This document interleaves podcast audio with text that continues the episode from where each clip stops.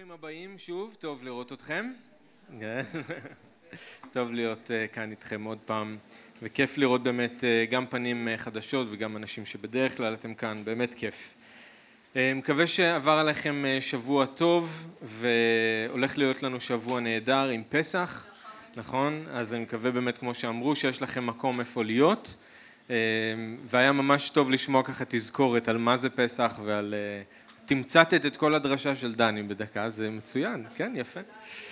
כן, במיוחד שהדרשה היום לא יהיה שום קשר לפסח, אז אני שמח שאתם שמעתם משהו לגבי פסח. אני אזכיר את המילה שאור, אולי פעמיים, שזה חמץ, וזה הכי קרוב שאנחנו נגיע לפסח, אז טוב ששמעתם, טוב שנזכרנו.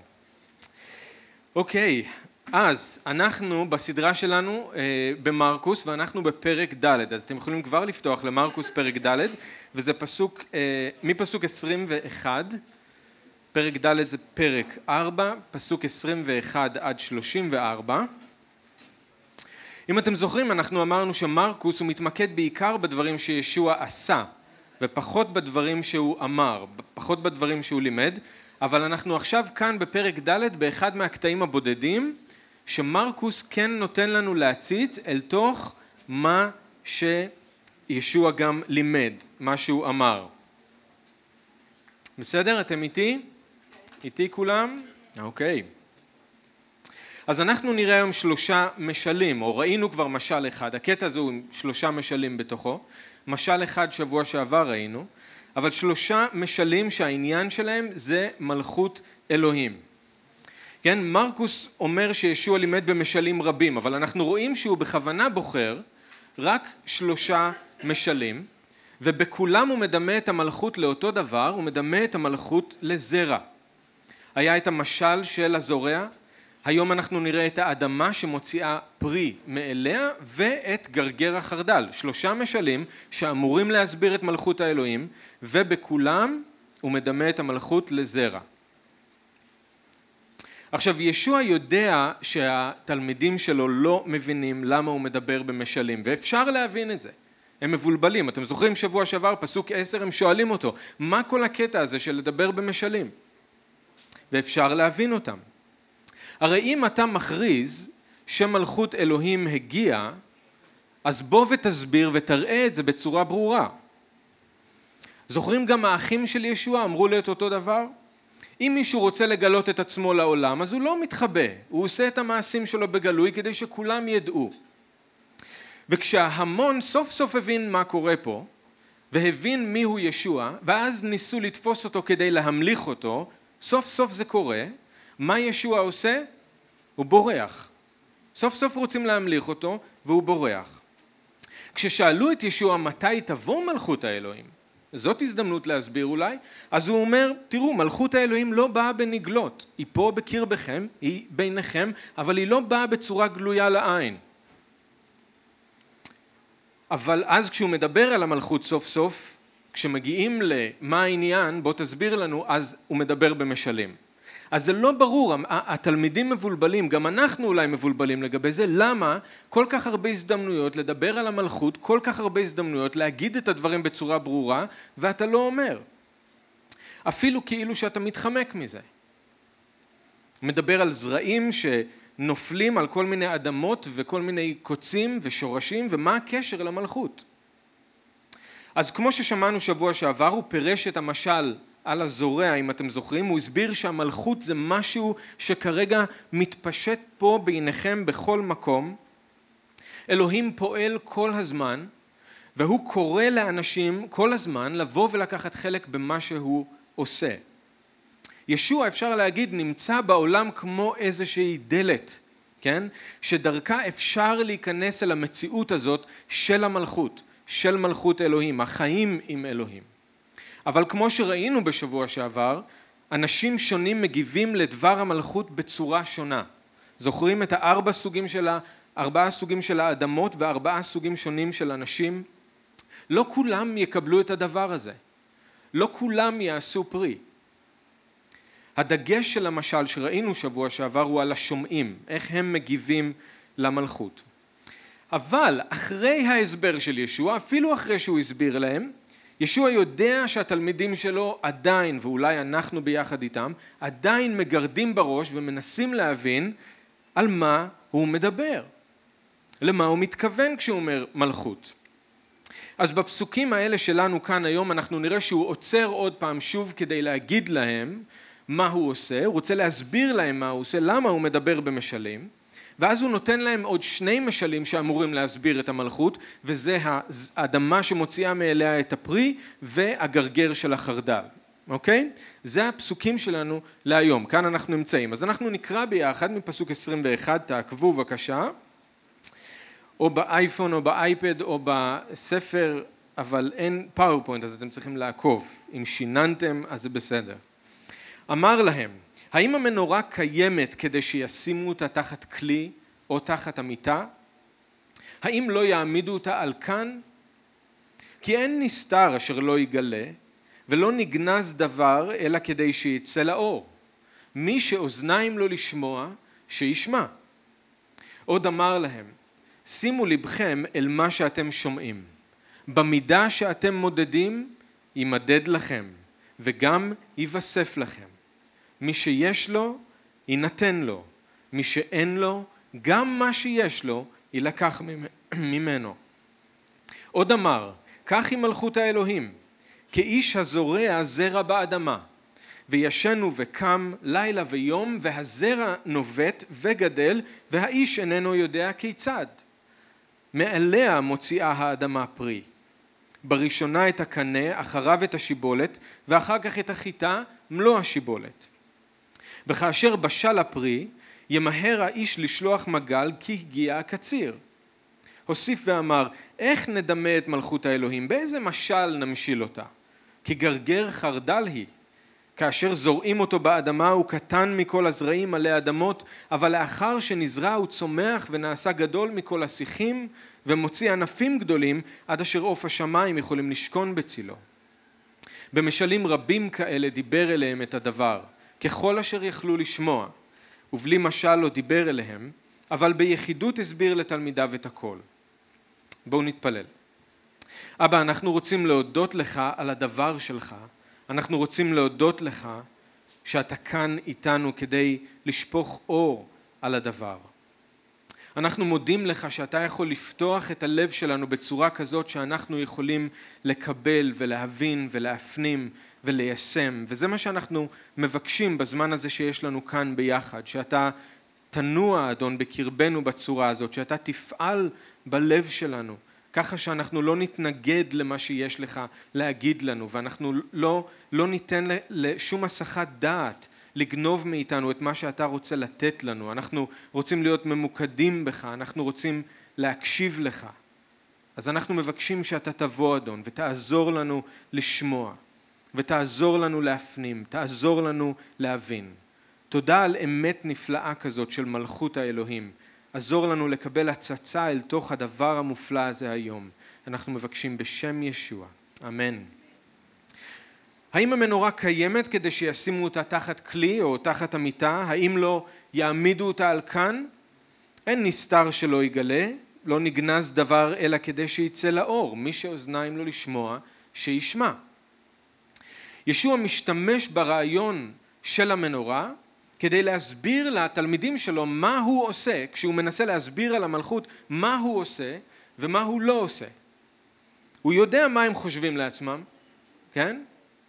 הוא הכריז שהמלכות באה, כן? אתם זוכרים כבר בפרק א', ישוע בא וזה החדשות הטובות שלו, שהמלכות הגיעה. אז הוא הכריז שהמלכות באה, אבל אז הוא מסתיר את האמת הזאת, את המלכות, עם כל המשלים האלה. זה כמו להדליק מנורה ואז להחביא אותה מתחת למיטה, מה ההיגיון? זה מה שהתלמידים שלו חושבים, הכרזת על המלכות, מה אתה עכשיו מבלבל את כולם עם כל המשלים האלה, מה אתה מסתיר את זה? אז ישוע שואל אותם שאלה רטורית, האם זה לא כך? ברור שאם מישהו מדליק מנורה הוא לא מדליק אותה כדי להחביא אותה, הוא מדליק אותה כדי להעמיד אותה במקום גלוי, כדי שהיא תוכל לתת אור. ישוע למעשה אומר להם, כשאני באתי ובישרתי שמלכות אלוהים הגיעה, אני הדלקתי מנורה. ואל תחשבו שאני עכשיו מנסה להחביא אותה מתחת לכל המשלים האלה. אני לא מנסה להסתיר אותה מאף אחד. אבל מצד שני, היא גם לא יכולה להיות גלויה לחלוטין. אני לא מנסה להסתיר אותה מאף אחד, אבל מצד שני היא לא יכולה להיות גלויה לחלוטין. וזה נוגע לתכונה חשובה של המשלים ומה שהם מסבירים לנו על המלכות. תקשיבו, במשלים יש בהם מספיק אור, יש בהם מספיק אור כדי להאיר את הדרך למי שבאמת רוצה לדעת, אבל הם גם עמומים מספיק כדי להסתיר את האמת הזאתי מהמתחזים, מאלה שלא באמת רוצים את ישוע ואת המלכות שלו. המשלים גם מגלים והם גם מסתירים באותו זמן. הם מגלים את המציאות המופלאה של המלכות למי שיש לו אוזניים לשמוע, מסתירים את המציאות הזאת ממי שאין לו.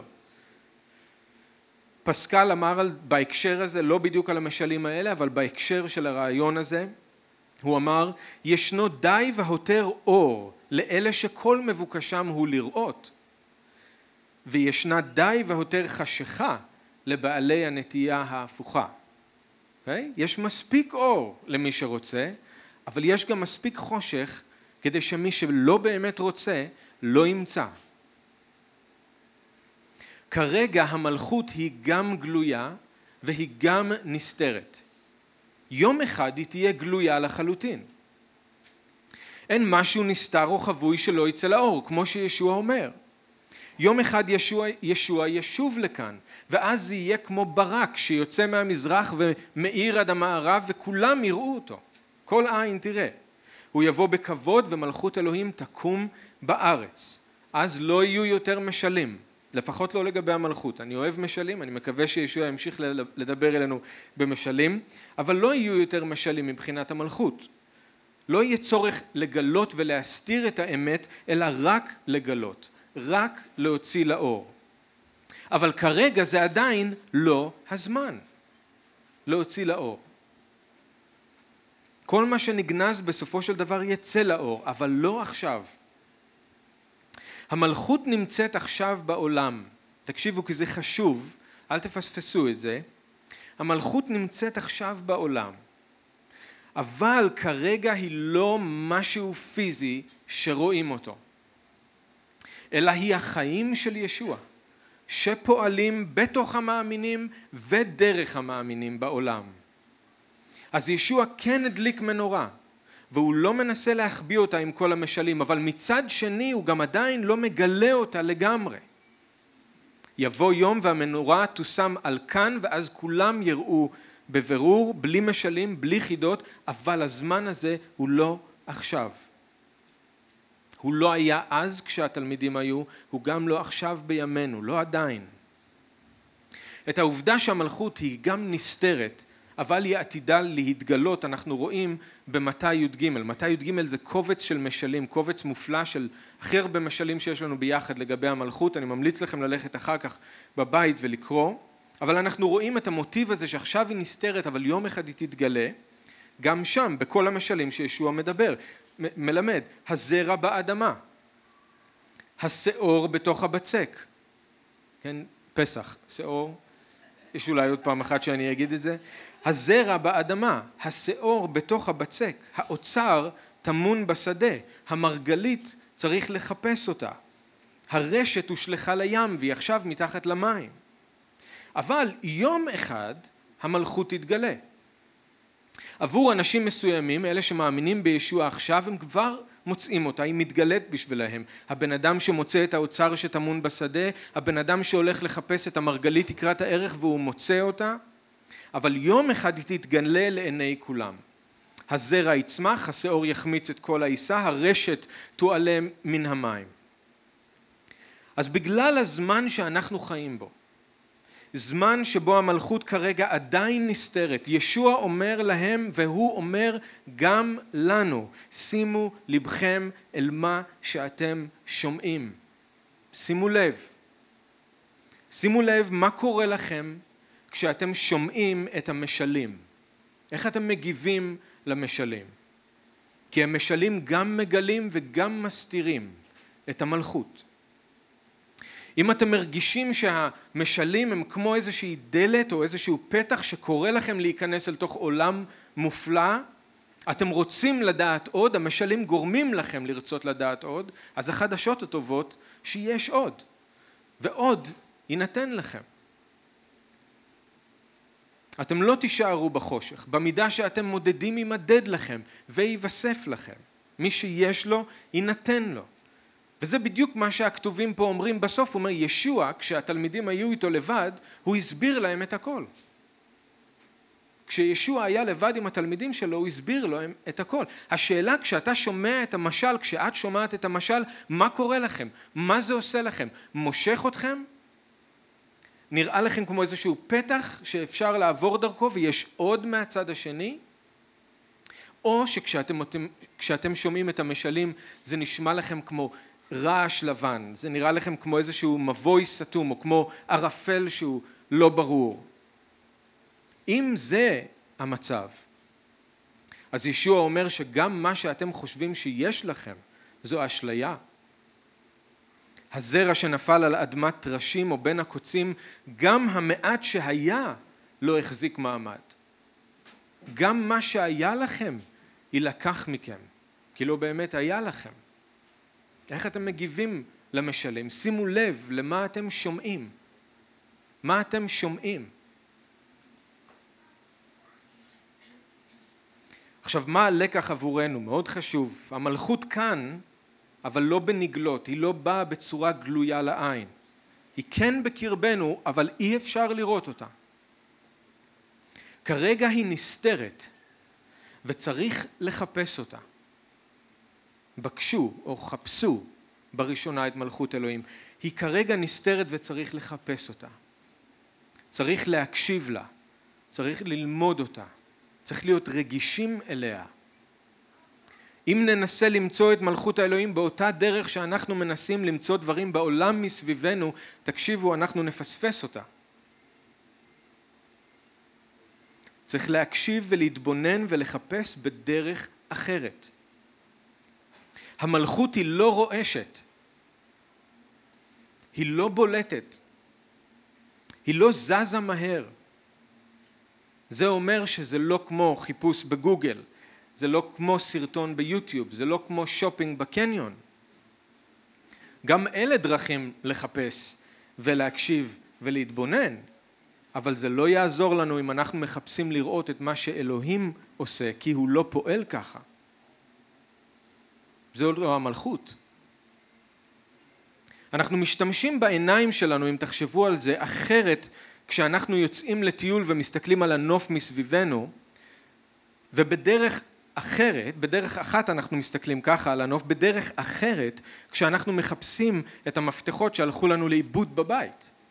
אנחנו משתמשים בעיניים שלנו בדרך אחרת. כשאנחנו יוצאים לטיול אנחנו מסתכלים על הנוף בצורה כללית, סורקים את הנוף.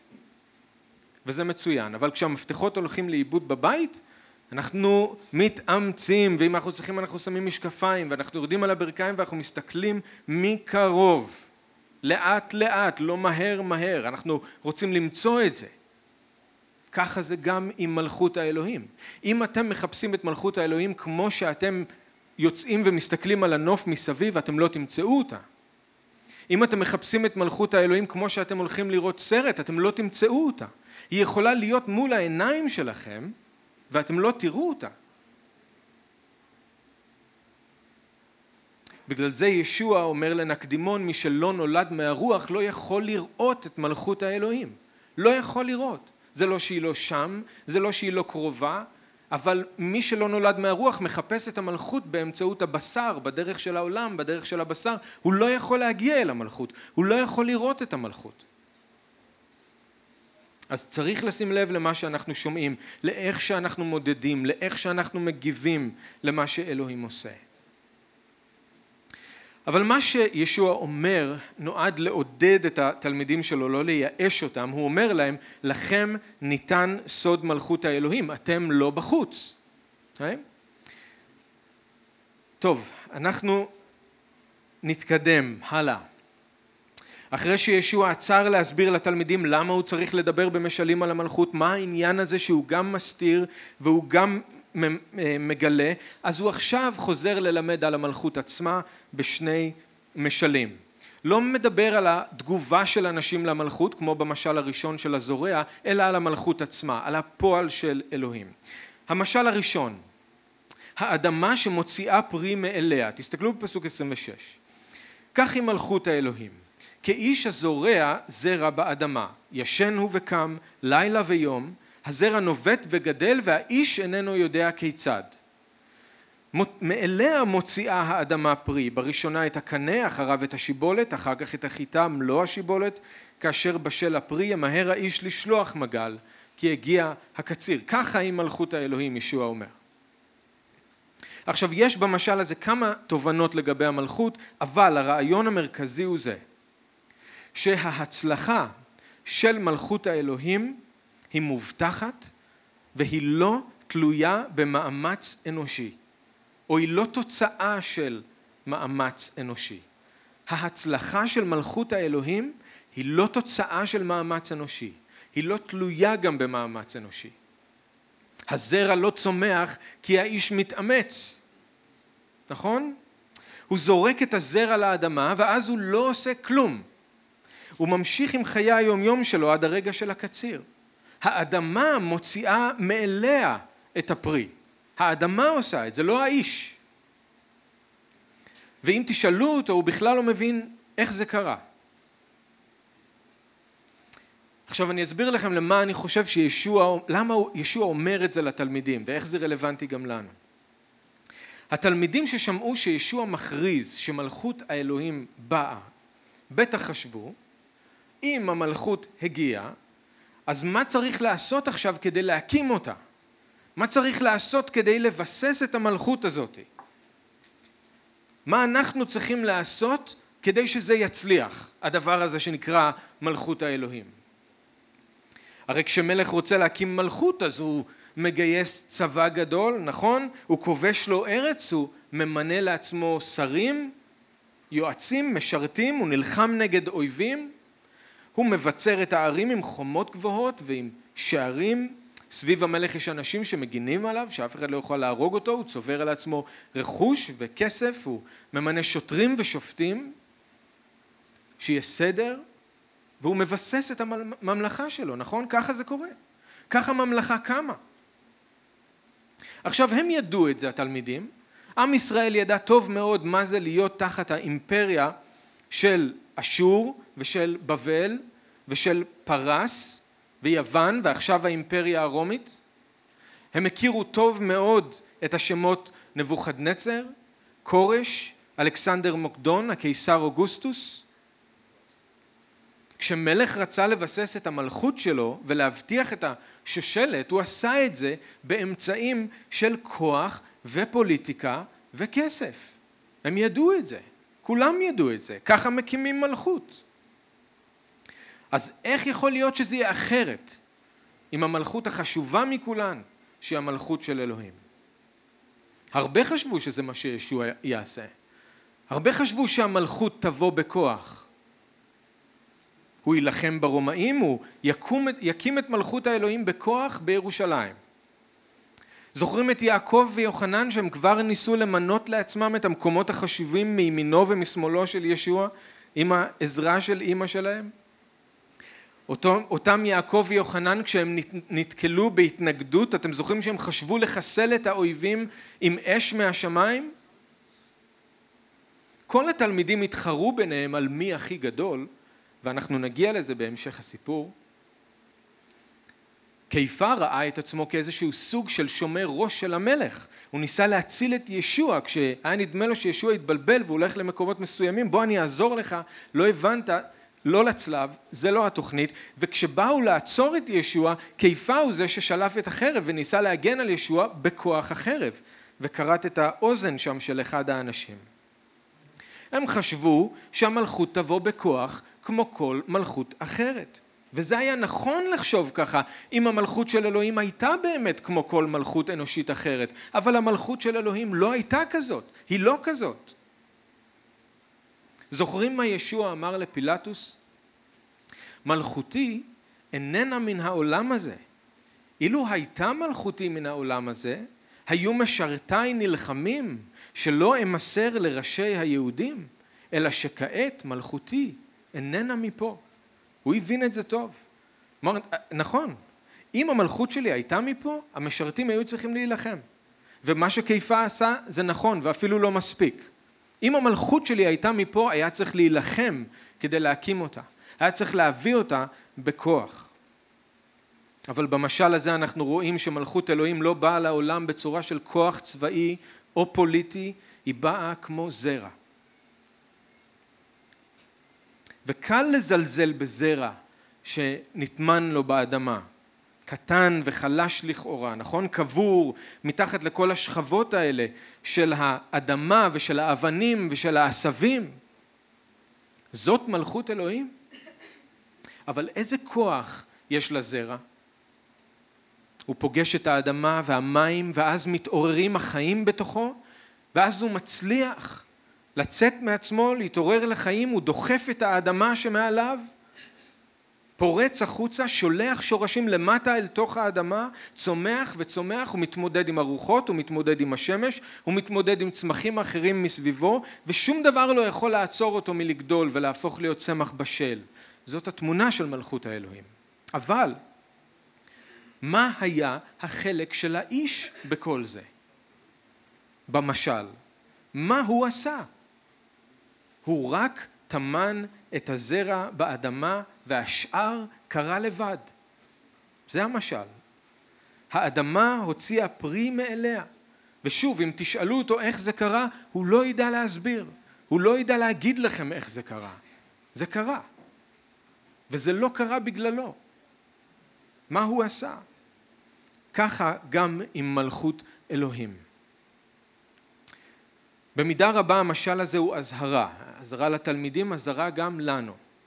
לא צריך לנסות להילחם על המלכות ולהביא אותה בכוח. לא צריך להילחם על המלכות. יש בתוכה כוח, יש בתוכה חיים. החיים האלה מתעוררים לבד, הם מתחילים לפעול כשהתנאים מתאימים. ורוב הזמן אנחנו בכלל לא נדע להסביר איך זה קורה כשהמלכות האלוהים פועלת בחיים שלנו ומסביבנו, אנחנו לא נדע. לא נדע להסביר. הרבה פעמים אנחנו נסתכל אחורה ורק אז נבין שזה היה אלוהים שעשה את זה. זה כוח אמיתי שפועל בעולם, כוח אמיתי שפועל בלב של בני אדם כל הזמן, אי אפשר אבל להסביר אותו. והדגש של ישוע הוא שהתלמידים שלו לא צריכים לחשוב על המלכות, תקשיבו, מתוך עמדה של כוח אנושי או של לחץ או של מתח וחרדה כאילו הכל תלוי בהם. המלכות של אלוהים אף פעם לא מאוימת, לא צריך להגן עליה, היא יודעת להסתדר לבד. המלכות של אלוהים אף פעם לא נמצאת תחת איום, אף פעם. בכל זמן ובכל מקום עד שישוע יחזור המלכות תמשיך לגדול היא תמשיך לגדול בשקט, היא תמשיך לגדול בביטחון. זה לא משהו שאפשר לעצור, זה לא משהו שאפשר או צריך להפעיל עליו כוח. זה יקרה. עכשיו, אני רק רוצה להעיר משהו כדי למנוע איזשהו בלבול שיכול להיות. זה לא אומר שאין לנו חלק. זה לא אומר שאנחנו לא צריכים לעשות כלום, שאנחנו לא משתפים פעולה. הרי משל הזורע בדיוק על זה מדבר. משל הזורע מתמקד בתגובה של האנשים לדבר המלכות. אבל אם לוקחים רק את משל הזורע, אז אולי אנחנו נטעה ונחשוב שהכל ביד של האנשים. הם מחליטים. אנחנו צריכים את שני המשלים האלה כדי לאזן את זה. אלוהים הוא זה שפועל. זה לא אומר שאנחנו לא עושים כלום, אבל זה כן אומר לא לקחת לידיים שלנו את מה שלא שייך לנו. את מה שאנחנו לא אמורים לעשות. אנחנו יכולים לזרוע, אנחנו יכולים להשקות, אבל אנחנו לא אמורים ולא יכולים להצמיח. זה התפקיד של אלוהים, רק הוא יכול לעשות את זה. אם כל מה שאתם יכולים לעשות זה להתפלל, אז תתפללו. אם כל מה שאתם יכולים לעשות זה לדבר, להגיד משהו, אז תגידו. אם אתם יכולים לפעול אז תפעלו. אבל ברגע שעשיתם את כל מה שאתם יכולים לעשות, תשאירו את זה בידיים של האדון. הוא יודע להסתדר לבד. המלכות תגדל. אתם תעשו מה שאתם יכולים, אבל את השאר תשאירו לאדון. יש מנוחה במלכות. העול של ישוע הוא נעים והמסע שלו הוא קל. ישוע לא התבלבל כשהוא אמר את זה. המשל הזה הוא לא רק אזהרה מה לא לעשות, זה גם משהו מעודד אני חושב בשביל התלמידים, שההצלחה של המלכות לא תלויה בהם, כי עם כל הרצון הטוב שלהם לגייס את כל הכוחות שלהם וכל היכולות שלהם, אנחנו עכשיו הולכים להביא בכוח את המלכות ביחד עם ישוע, אני בטוח שהיו רגעים שהם הסתכלו מסביבם וראו דייגים וראו מוכסים וראו זונות וראו אנשים שגירשו מהם שבע שדים. אני בטוח שעלו בלב שלהם ספקות. אנחנו אתה בטוח שלא התבלבלת? אנחנו אמורים להביא את המלכות? דרכנו אתה רוצה לפעול?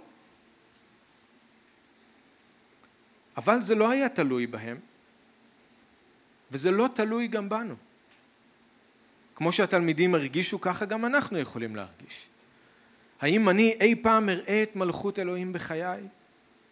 אני הקטן והחלש יכול לעשות משהו כדי להביא את מלכות אלוהים לעולם הזה?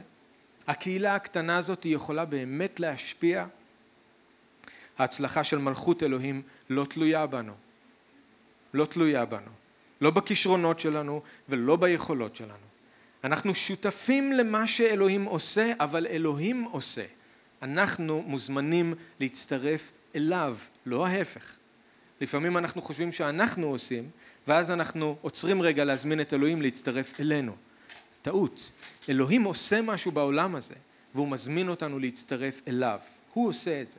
זה העבודה שלו. פיליפים א' שש, שאול אומר, אני בטוח שזה שהתחיל בכם את הפעולה הטובה, גם ישלים אותה עד יום המשיח. אפסים ג' עשרים, זה שיכול לעשות יותר מכל מה שאנחנו מבקשים או ממה שעולה על דעתנו, כפי כוחו הפועל בנו. יש איזשהו כוח שפועל בנו? יש איזשהו כוח? פיליפים ב' 13, כן תפעלו למימוש תשועתכם, כן, ביראה, אבל אל תשכחו, אלוהים הוא זה שפועל בכם, כדי שתרצו וכדי שתפעלו כרצונו הטוב. יש כוח שפועל בכם, ובי. זה לא תלוי רק בנו, בכוח האנושי שלנו. אז כמו שיש כוח שמתעורר לחיים בתוך הזרע תחת התנאים המתאימים, ככה עם מלכות האלוהים בנו ובעולם. עוד משהו שאני רוצה להגיד רק שתשימו לב, אין לנו זמן להיכנס לזה, אבל תשימו לב במשל, המלכות גודלת בהדרגה, בשלבים, היא לא נוחתת במכה אחת על העולם הזה. ראיתם את זה שם? הקנה, השיבולת, מלוא השיבולת, שלבים, הדרגתיות. ישוע מנסה להכין את התלמידים שלו לעובדה שהמלכות גודלת בהדרגה ושצריך סבלנות. וגם כשנראה שיש זמנים שלא קורה כלום, תדעו לכם שהגדילה השקטה הזאת כל הזמן ממשיכה. גם אם זה מתחת לפני השטח, היא כל הזמן קורית. אבל זה הדרגה, שלבים. ואנחנו צריכים לשאול את עצמנו, האם אנחנו מנסים לגרום למשהו לקרות בכוח ומהר, במקום לתת לאלוהים לפעול בכוח שלו ובדרך שלו ובזמן שלו? האם אני מנסה לקחת שליטה, זה פיתוי שכולנו מתמודדים איתו, אנחנו רוצים לשלוט במה שקורה, אבל הבן אדם זרע את הזרע שלו ועזב את זה. הפיתוי הוא לנסות לשלוט במה שקורה, בכוח לגרום למשהו לקרות. אז אולי אתם, אולי אני, אולי אנחנו צריכים להרפות מכמה דברים. תשאלו את אלוהים, ממה אני צריך להרפות? אחרי שעשיתי את מה שיכולתי לעשות, אני צריך להרפות ולתת לך לפעול ולבטוח בך, במלכות שלך יש כוח והכוח הזה לא תלוי בי אולי אני מיואש כי אני לא רואה שמשהו קורה, אני זרעתי את הזרע ואני חסר סבלנות, אני רוצה שמשהו כבר יתחיל לקרות. סבלנות, צריך סבלנות. המלכות לא זזה מהר, צריך סבלנות. את מה שאלוהים עושה, הוא עושה בהדרגה והוא עושה בשלבים, ולאט לאט קחו את הזמן. רק בגלל שאתם לא רואים תוצאה מיידית לא אומר שלא קורה כלום. סבלנות. נעבור למשל השני, אנחנו רוצים לסיים עם זה, גרגר החרדל. בפסוק שלושים. איך נדמה את מלכות האלוהים או באיזה משל נמשיל אותה? זה מעניין שישוע מדבר בגוף ראשון רבים, הוא שואל אותם כאילו, אם אני נותן לכם רגע לחשוב על זה, איך אתם הייתם מדמים את מלכות האלוהים? כן? באיזה משל נמשיל אותה? איך נדמה את מלכות האלוהים? אז מעניין אם היינו עושים פה עכשיו סקר והייתי נותן לכם רגע לחשוב על זה, מעניין איזה דימוי היה עולה לכם בראש? אני אומר לכם, המשימה שלכם זה לתת לי את הדימוי שמשקף הכי טוב את מלכות האלוהים. מעניין מה היה עולה לכם בראש, מה עולה לי בראש. הר גדול, עץ ענק, אוקיינוס, מה מדמה הכי טוב בעינינו את מלכות האלוהים? מטוס, רכבת, משהו גדול, משהו חזק? כגרגר חרדל היא. כגרגר חרדל. זה מה שישוע בחר כדימוי למלכות אלוהים. כאשר זורעים אותו באדמה הוא קטן מכל הזרעים עלי אדמות ואני רק אגיד כאן שהוא מגזים בצורה מכוונת זה רטורי זה לא הכי קטן עלי אדמות וזה בסדר הוא לא נותן להם שיעור בבוטניקה הוא מסביר להם על מלכות האלוהים אז הוא מגזים בכוונה כאשר זורעים אותו באדמה הוא קטן מכל הזרעים עלי אדמות, אבל לאחר שנזרע הוא צומח ונעשה גדול מכל השיחים, והוא מוציא ענפים גדולים עד, אש, עד אשר עוף השמיים יכולים לשכון בצילו. אז זה אותו רעיון של הזרע, אבל יש פה איזשהו היבט אחר של המלכות. במשל השני ישוע ממחיש לא את הכוח של המלכות, אלא את הגודל שטמון במלכות. אפילו את קונטרסט אפשר להגיד, את הניגוד, נכון, בין איך שהמלכות מתחילה לבין איך שהיא תסתיים. כמה שהיא מתחילה בקטן ואיך שהיא תסתיים בגדול.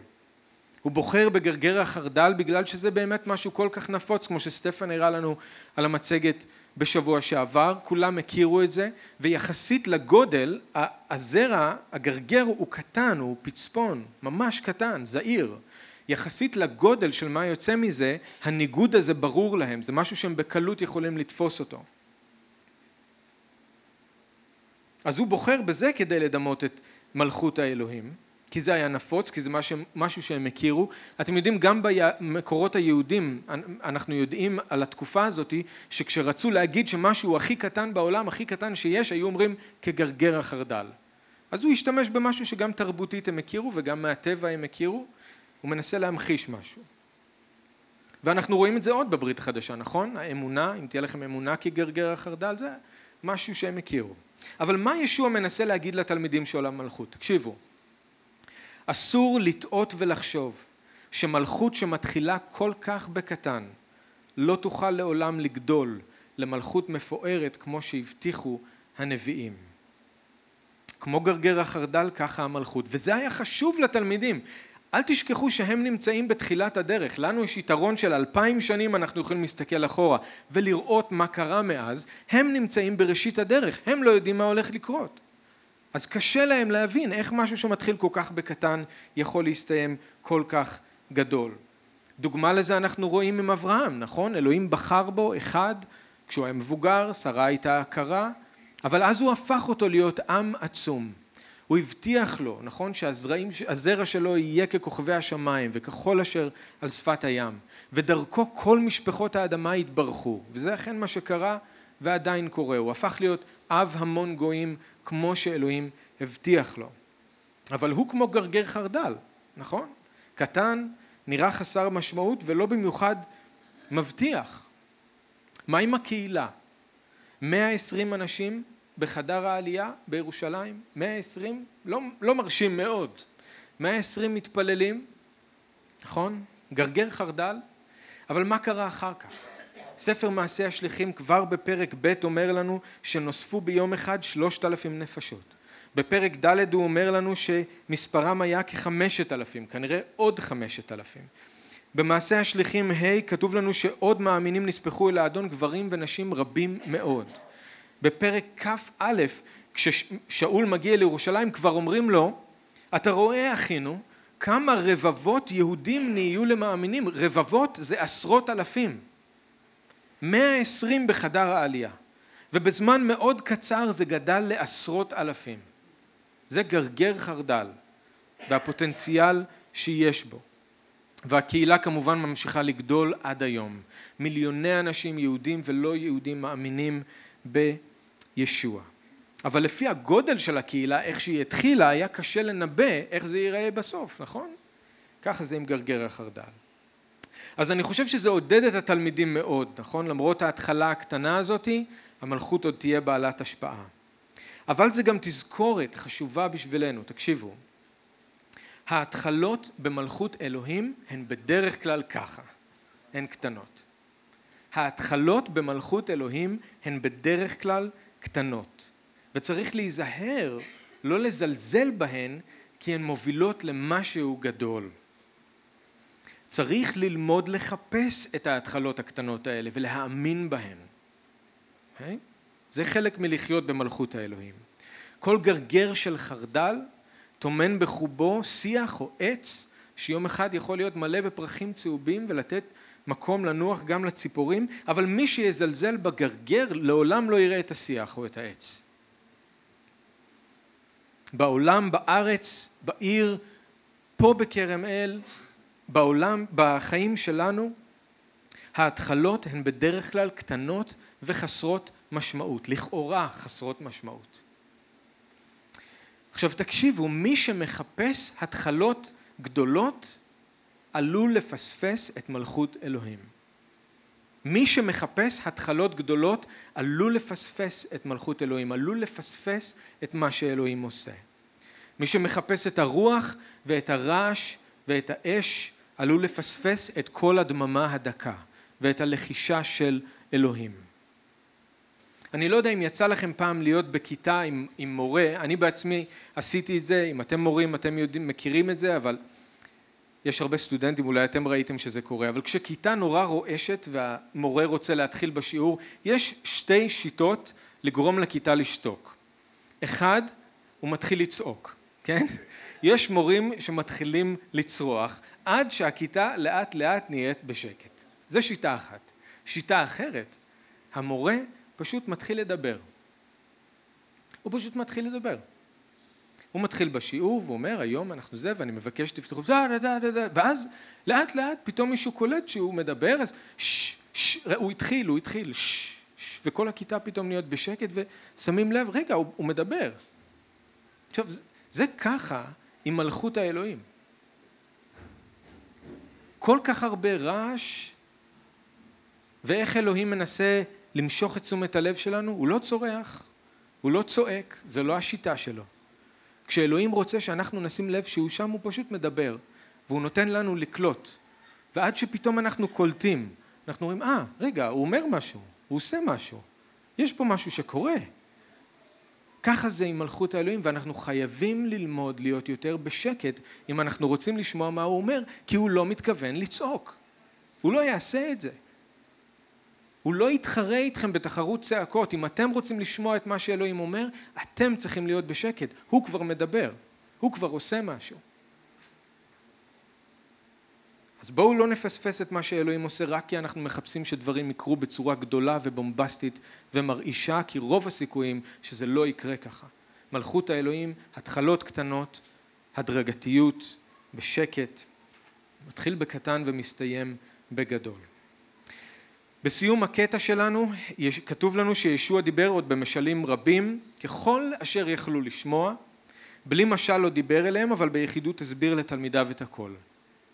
אני מאוד אוהב את זה שישוע אומר, כתוב פה שישוע לימד ככל שיכלו, אשר יכלו לשמוע. ישוע ידע מתי לעצור, כן? גם אני יודע מתי לעצור ואנחנו נעצור. ככל אשר יכלו לשמוע. לא ניתן לכם יותר ממה שאתם יכולים לשאת כמו שישוע לא נותן לנו יותר ממה שאנחנו יכולים לשאת. אבל אם המשלים האלה זה משהו שכן מושך אתכם ואתם רוצים לדעת עוד, אז לכו לישוע. כתוב שהוא הסביר ביחידות לתלמידים שלו את הכל. הם לא נשארו בחושך. אף אחד מכם לא צריך להישאר בחושך. לכו עם השאלות שלכם לישוע, ישוע ייתן לכם את ההבנה שאתם צריכים. המלכות של אלוהים כאן. הפתח שדרכו אפשר להיכנס אל המלכות הזאת הוא ישוע. המלכות אמנם לא גלויה לעין עכשיו, אבל היא אמיתית יותר מכל מה שאנחנו רואים מסביבנו. המשלים נותנים לנו להציץ קצת אל תוך החיים במלכות, אבל אני אגיד לכם, הדרך הטובה ביותר להבין את המלכות היא פשוט מאוד להיכנס אליה ולחיות בתוכה. כי יש דברים שפשוט קשה מאוד להסביר במילים. אמן? אז בואו נתפלל. אבא, אנחנו רוצים להודות לך על מלכות נפלאה שקיימת כאן בינינו. למרות שאנחנו לא רואים ולמרות שאנחנו לא שומעים ולא מרגישים רוב הזמן, אנחנו מודים לך שאתה פועל בעוצמה ובשקט ובביטחון ובזמן שלך ובדרך שלך וכל מה שאנחנו מבקשים זה תיתן לנו את התובנה לדעת איך להשתתף איתך, ללכת איתך, לא לרוץ לפניך, לא לפספס אותך, לא להיות כל כך רועשים שאנחנו לא שומעים אותך, לא לפספס את מה שאתה רוצה לעשות בנו ודרכנו. אנחנו מודים לך אדון, אנחנו מבקשים שאתה תמשיך לגלות בפנינו את המלכות וללמד אותנו איך לחיות בה למענך, למען שם ישוע.